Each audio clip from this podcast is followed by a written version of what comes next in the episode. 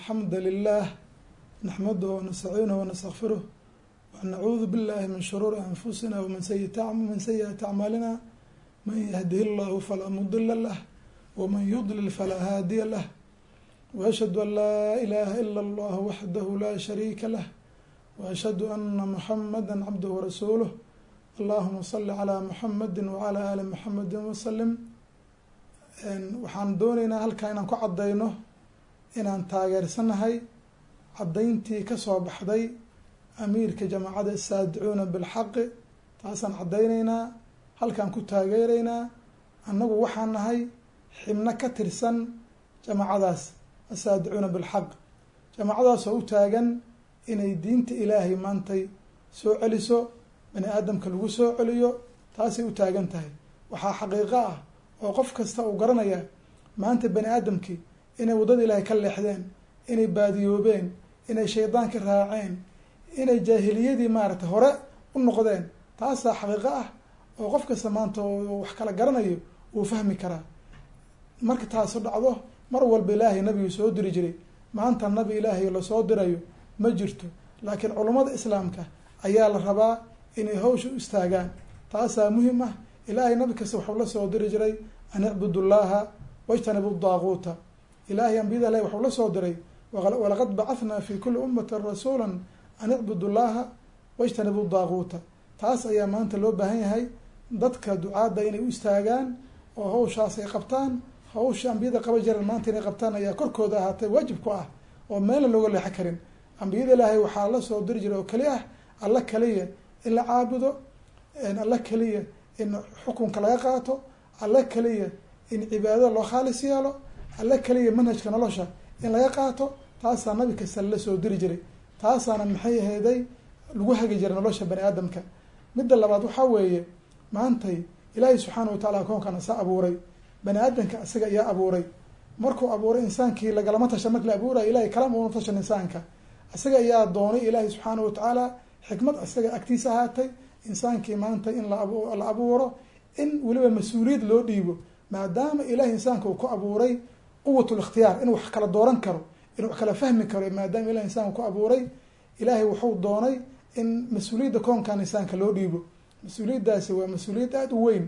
Waa midday samwaadka iyo dhulka iyo cirka ay ka baqeen weeye. Waa midda insaanku qaaday.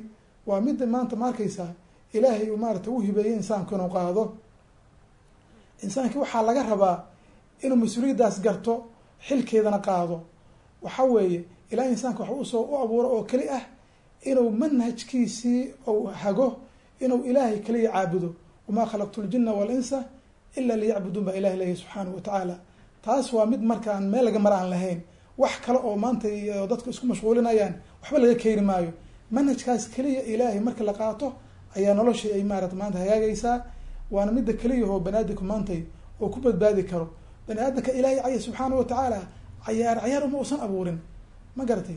Ilaahay subxaana watacaala wuxuu leeyahay afa xasibtum anamaa khalaqnaakum cabathan wa anakum ilayna laa turjacuun adduunyadan qofka in yar buu joogaya intay sirta ayaa waxaa la rabaa inuu manhajka ilaahay ku noolaado inuu ilaahay diinta ilaahay maaratay ku socdo inuu manhajka ilaahay fuliyo inuu maanta ma arkaysaa haddii uu ka leexdana waxa weye insaanka wuu khasaarayaa naar buuna aakhiro gelayaa haddii uu manhajkaas ilahi uu talagala ku dhaqmana de adduunkana karaamo iyo sharaf buu ku noolaanaya. Aakhirana ilaahi subxaana watacaala aad buu u karaameynayaa janna ilahi wuxuu siinayaa carduha asamaawaatu walard wabillahi towfiiq dadka dunida ku nool maanta waxay ku dhaqmayaan ama ay noloshooda ku dhisan tahay wax ayaga jeebkooda ay kala yimaadaan. Waana arrin alla keli ou macnaha yacni xaq uu leeyahay in laga qaato. Bani aadamka markii uu macnaha la abuuray uguma uusan tegin in macnaha noloshooda ayaga hawadooda iyo caqligooda uma usa sii dayna laakiin alle rasul buu u soo diray. Kitaabna uu ugu soo dhiibay. Rasushaas waxay la imaan jireen hal macnaha yani xaqay la imaan jireen. Waxay dhihi jireen qolo kasta nabi markay ummadooda u tagaan yaa qawmi ucbudu llaha maa lakum min ilaahin hayru saasay ku oran jireen. Oo macnaheeda yahay war alla keliya caabuda alla kale ma jiro. Sidaasay ola jireen. Ummad aan rasuul loo soo dirin ma jirto. Oo alla wuxuu leeyahay wa in min ummatin ilaa khalaa fiiha nadiir.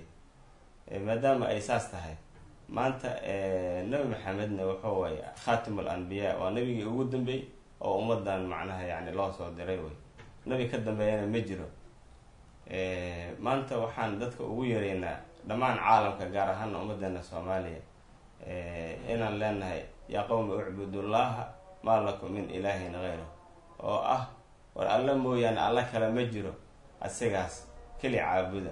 Taas arrin ka horeysana ma jirto waa arrinta koowaad ummadda loo sheegaya haddii taa ay u caddaatana way noloshooda mid adduunye mid aakhira ay ku hagaagaysa haddii ay taa macnaha yacni ka luntana ay baaba-aya mid adduunye mid aakhira ay weynayaan. Shaqaaga maanta dunida ka jirto waa arrintaasaa sabab u ah. Annagana wax kale ma lihina war waxaan leenahay yaa qowmi ucbudullaha maa lakum min ilaahin hayru sidaasaan ku leenahay. Wabilahi towfiiq allah subxaanahu watacaala wuxuu soo diray rusul. Rusushaana wuxuu u soo dejiyey kutub. Kutubtaa oo dhan hal arrin ayay ka hadlayeen. Arrintaa oo ah alla subxaanahu watacaala in keligii la adeeco keligii la caabudo keligii amarka laga qaato.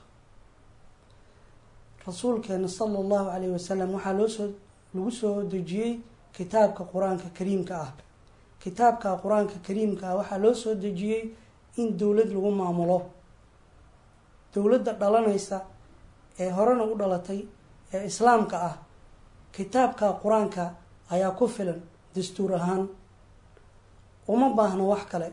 Alla subxaanahu watacaala isagoo la hadlaya rasuulkiisa wuxuu leeyahay huma jacalnaaka calaa shariicati min alamri faattabichaa walaa tattabic ahwaaa aladiina laa yaclamuun. Oo lagu fasiray waxaan kuu soo dejinay shareeco. Shareecadaa raac ha raacin hawada dadka aan alla subxaanahu watacaala garanayn ha raacin hawada dadka aan alla subxaanahu watacaala garanayn haddii ay dhacdo oo aada raacdo waa baadiyoobaysaa fatakuuna min alkhaasiriin waxaad ka mid noqonaysaa dadkii khasaaray maantay ma jiro waxay xag alle ka soo xag alle ka soo degaya ama rasuul la soo dirayo. Sidaas darteed qur'aanka iyo sunnada ayaa saldhig u ah hanuunka iyo xaqa. Sida nebiga calayhi salaatu wasalaam xadiis saxiixa uu ku leeyahay innii qad taraktu fiikum maa in ictasamtum bihi falan tadiluu abada kitaab allahi wa sunnata nabiyihi. Waxaan idinkaga tegay shay haddaad qabsataan aadna lumaynin.